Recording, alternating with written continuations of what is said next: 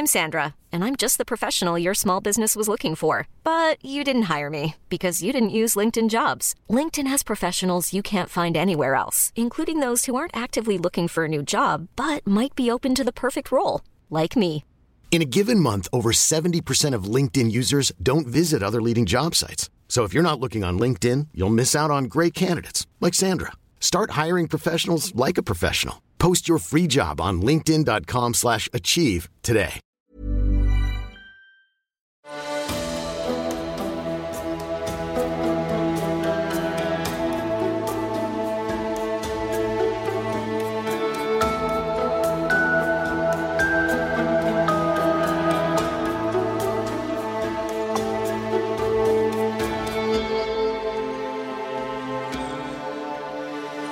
Velkommen til Seriemorderpodden, podkasten dedikert til seriemordere. Hvem de var, hva de gjorde og hvordan. Jeg heter Thomas Roseland Wiborg Tune, og i kveld fortsetter vi vår reise i Weimar-republikkens tid i Tyskland, 1920-tallet, og Fritz Hormanns bestialske handlinger og endelikt.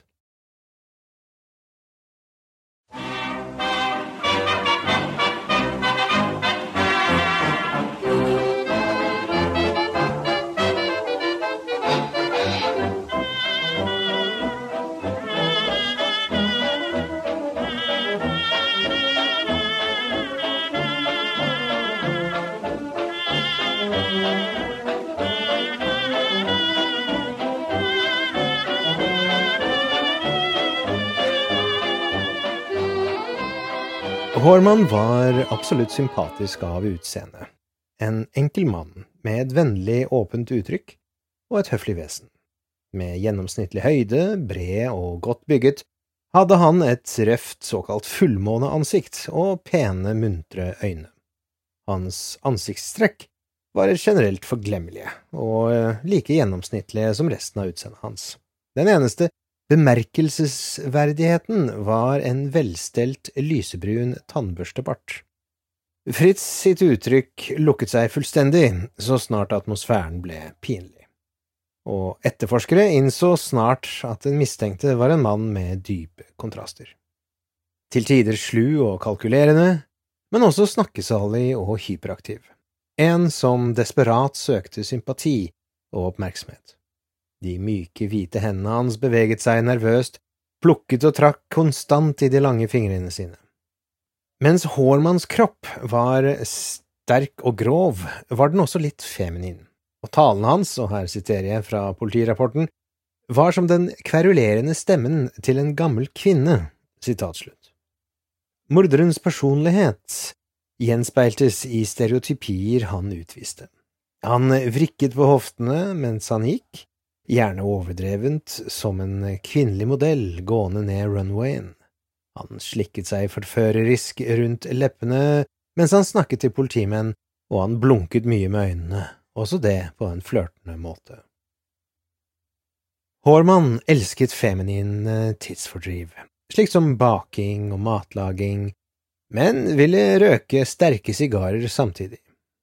Selv om hans utseende var, som han over politiet sa, langt fra ondskapsfullt, ville Fritz Hormann til slutt ende opp i rekordbøkene som Tysklands mest produktive morder.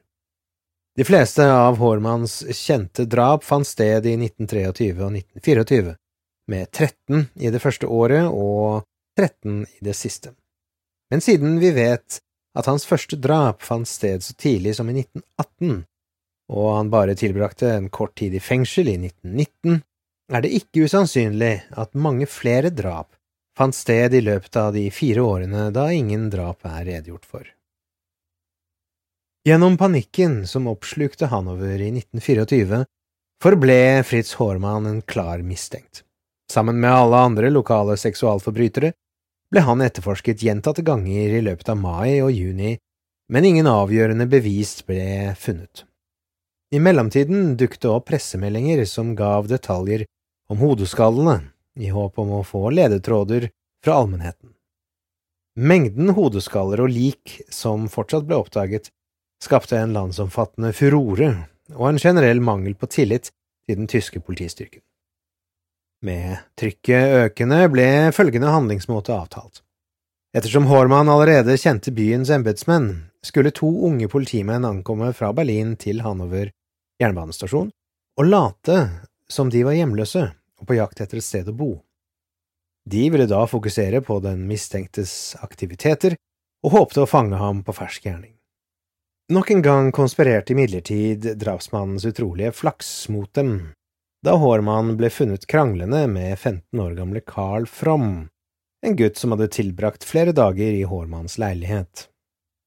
From hadde oppført seg i Hårmanns øyne særdeles frekt og uforskammet denne kvelden, og utrolig nok hadde Hormann frekkheten til å rapportere ham til jernbanepolitiet og hevdet at han reiste på falske papirer. På politistasjonen snudde Fram imidlertid på den eldre mannen ved å anklage ham for seksuell trakassering under oppholdet i hans leilighet. Tilfeldigvis var et medlem av visetroppen på stasjonen på dette tidspunktet, og i visshet om at politiet håpet å arrestere Hormann bestemte betjenten seg for å pågripe den mistenkte umiddelbart. Før noen unødvendige mistanker kunne vekkes, ble Hårmann ført i fengsel om morgenen 23. juni. Drapsmannen hevdet senere at han bare hadde arrangert å få From tatt i varetekt fordi han visste at han kom til å myrde gutten, og var redd han ikke ville være i stand til å motstå trangen mye lenger. Hvis man skal tro denne uttalelsen, var her første gang Hårmanns handlinger motivert av moralske skrupler, og disse påståtte skyldfølelsene skulle beviselig føre til hans undergang. Likevel var ikke saken på langt nær så klar som de betydelige bevisene skulle tilsi. Flere hundre klesplagg funnet på Hårmanns rom, eller konfiskert fra hans bekjente, ble samlet inn og identifisert som eiendommen til de samlede barna, men det var ingen bevis for å erklære at han hadde vært ansvarlig for selv ett av dødsfallene. Hårmann hevdet uunngåelig at eiendommen i hans besittelse skyldtes hans virksomhet med handel av brukte klær. Han innrømmet at han hadde hatt seksuell omgang med noen av barna, men nektet likevel for kunnskap om ofrenes nåværende oppholdssted og gav plausible forklaringer på blodsporene i plaggene. Den mistenkte viste nok en gang betydelig dyktighet til å unngå vanskelige spørsmål, og dermed forlengelsen av forhørene. Hårmann var en skarpsindig mann, og ettersom han forsto den ekstremt homofobe holdningen i det tyske samfunnet på den tiden, visste han at det ville være vanskelig for politiet å skaffe belastende bevis fra hans ofre og deres familier. Et av disse ofrene var en gutt ved navn Robert Witzel, hvis foreldre stadig hadde beleiret politiet siden deres sønns forsvinning den 26. april 1924. Da de første hodeskallene ble funnet senere samme år, ble herr Witzel overtalt til å undersøke bevisene for å bekrefte at sønnens uregelmessige skjeveben var en av de uoppdagede kraniene. Alt som var kjent på dette tidspunktet, var at Robert hadde besøkt det lokale sirkuset natten da han forsvant sammen med sin beste venn, den, og her siterer jeg, lure og jentete Fritz Karlmeier. Fritz, som var taus gjennom hele forhøret, ville bare si at de hadde reist til sirkuset med en, i anførselstegn, polititjenestemann fra jernbanestasjonen. Årsaken til guttens hemmelighetsfulle natur var forståelig. Også han hadde blitt oppsøkt og seksuelt misbrukt av Hårmann, som senere anskaffet ham for homoseksuelle samfunnsherrer. Gjenstander av Witzels klær var funnet i drapsmannens leilighet, men Hårmann ville fortsatt ikke tilstå. Gjennombruddet kom da et par gikk inn på politistasjonen og passerte Witzel-familien som satt utenfor hovedkommissærens kontor. Frau Witzel gjenkjente umiddelbart mannens jakke og spurte om hvor han hadde fått tak i plagget. Mannen innrømmet at han hadde ervervet klærne fra Hårmann, og leverte til og med et identifikasjonskort i buksen med navnet Witzel. Damen som fulgte ham, var frau Engel, Hårmanns utleier, som tilfeldigvis var innom politistasjonen med forespørsler om leietagerens militærpensjon. Et enormt lykketreff, i tillegg til stoffbevisene og, enda viktigere, et som til slutt overbeviste Hårmann i å innrømme nederlag. Fangen ble følgelig utsatt for uopphørlig og alvorlig avhør før han ble oppfordret til å skaffe seg lettelse, og oppmuntret med at eh, hvis han bare lot sine mørke hemmeligheter slippe ut, ville han få fred. Etter syv dager med maniske og emosjonelle raserier brøt Hormann sammen og ba om å få snakke med sjefsetterforskeren, som han ville avgi en fullstendig tilståelse overfor. Drapsmannen tok deretter rettstjenestemennene med på en drapssightseeing i Hanover. De ble vist deler av lik gjemt i busker, bein mudret fra en innsjø og skjeletter gjemt rundt omkring i byen. Uunngåelig trådde flere og flere fram, som hadde skaffet seg klær eller kjøtt fra Hårmann eller Grans, og bevisbyrden vokste seg større og større. Hårmanns karakter endret seg også i denne perioden. Han åpnet nå for etterforskningens autoriteter og viste den hjelpsomme, barnslige og ofte sarkastiske siden ved hans natur. Bare hvis konfrontert av foreldre til ofrene hans, eller hvis han diskuterte halshuggingshandlinger, ville morderen eh, trekke seg tilbake igjen. Det generelle inntrykket var at han følte seg lettet for en forferdelig byrde av å kunne diskutere mørket og frykten for hans unormale sexliv. Det var også en tydelig grad av stolthet over å ha lurt menneskeheten, som Hormann alltid snakket stygt om. Som et resultat av den sikrede informasjonen ble Hans Grans arrestert 8. juli og de to mennene møttes ved flere anledninger før rettssakene deres begynte. På disse tider var Hormann alltid urolig, hvor som Grans virket likegyldig til hele saken. Hormann ble værende i fengsel til 16. august, før de ble sendt til nærliggende Gottingen for psykiatrisk undersøkelse. Rettssaken, enestående i tysk rettshistorie, inneholdt 60 bind med filer og åpnet 4. desember 1924. Rettssaken ble gjennomført ved Hanover Azizes og varte i 14 dager, og nesten 200 personer vitnet i saken. Det mye omtalte åpningsinnlegget til dommeren uttalte han at Fritz Hormann ble anklaget for drap på 27 personer, forsettlig og bevisst, fra september 1918 til juni 1924. Hormann insisterte på å lede sitt eget forsvar, og forble helt nonsjalant gjennom hele rettssaken. På et tidspunkt klaget han over at det var for mange kvinner i rettssalen. Han ble innvilget bemerkelsesverdig frihet, og var spesielt umoden og uansvarlig og avbrøt ofte saksgangen. På et tidspunkt krevde han indignert videre svar på hvorfor fortsatt det var så mange kvinner i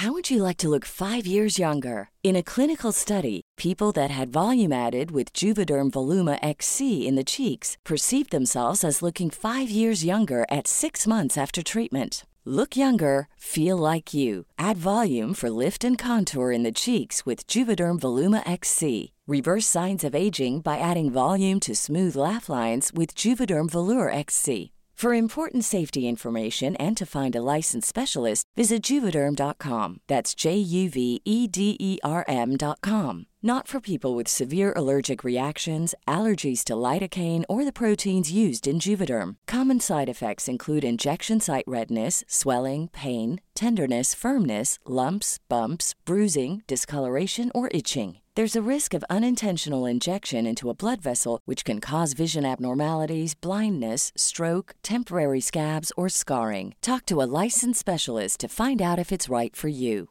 Hiring for your small business? If you're not looking for professionals on LinkedIn, you're looking in the wrong place. That's like looking for your car keys in a fish tank.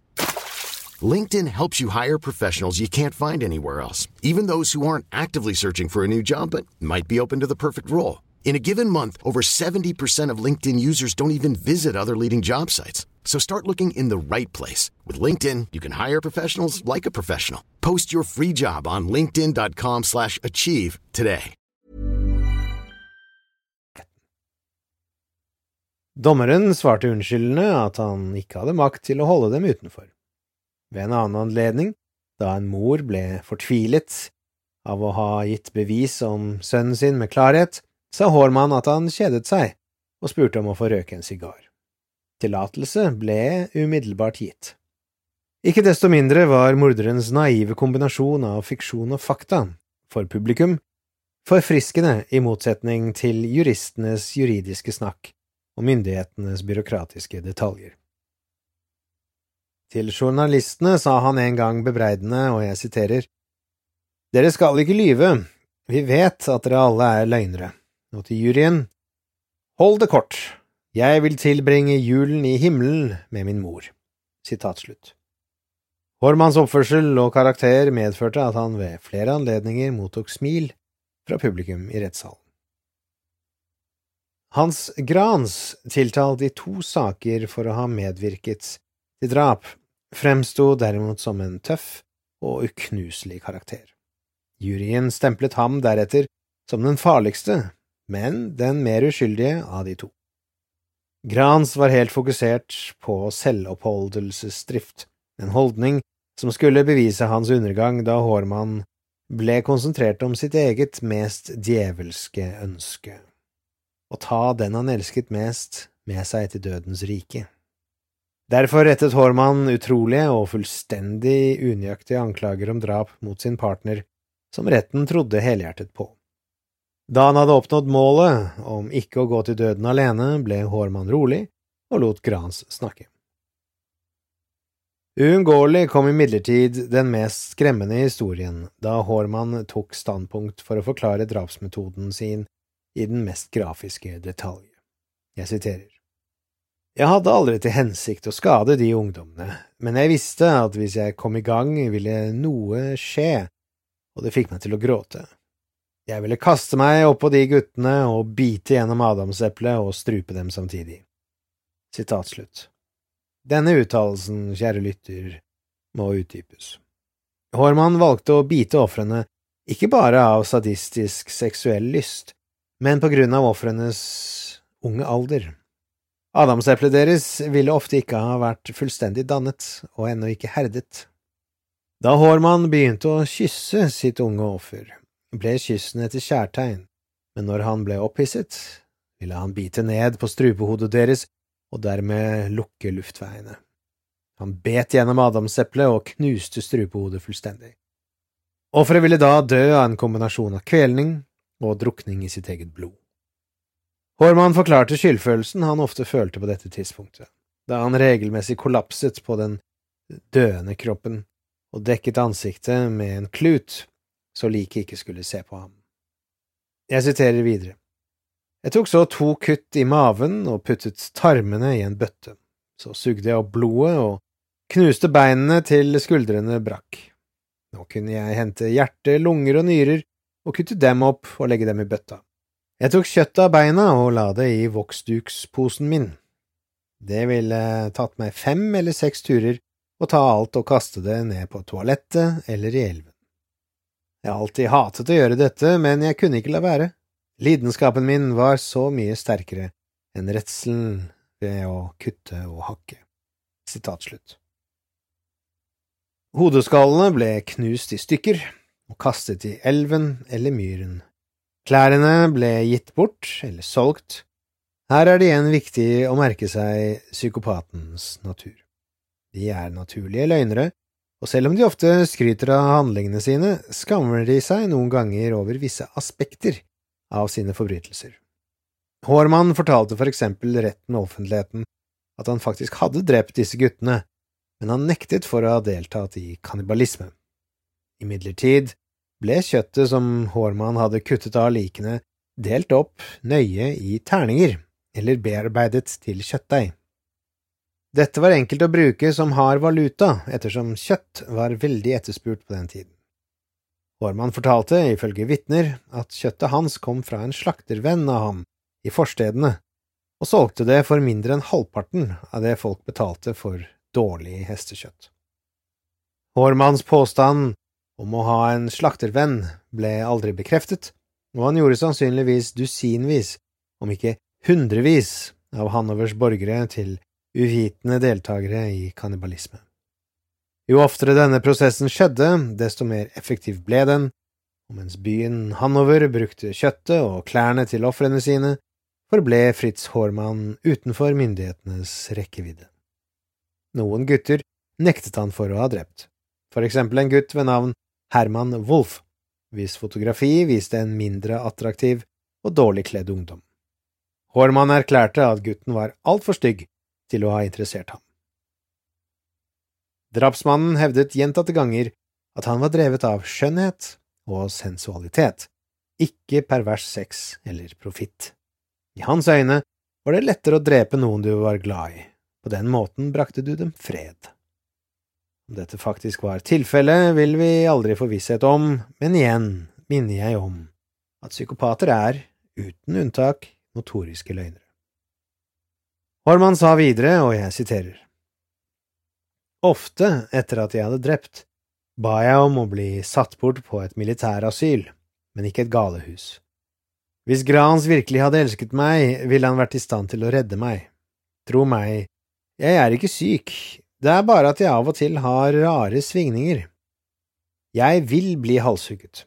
Det tar bare et øyeblikk, så er jeg i fred. Sitat slutt. De sakkyndige leverte deretter sine rapporter om at selv om drapsmannen hadde en patologisk personlighet, hadde han ikke vært blottet for fri vilje og ansvar, og derfor ikke bar noen manisk-depressiv sinnssykdom.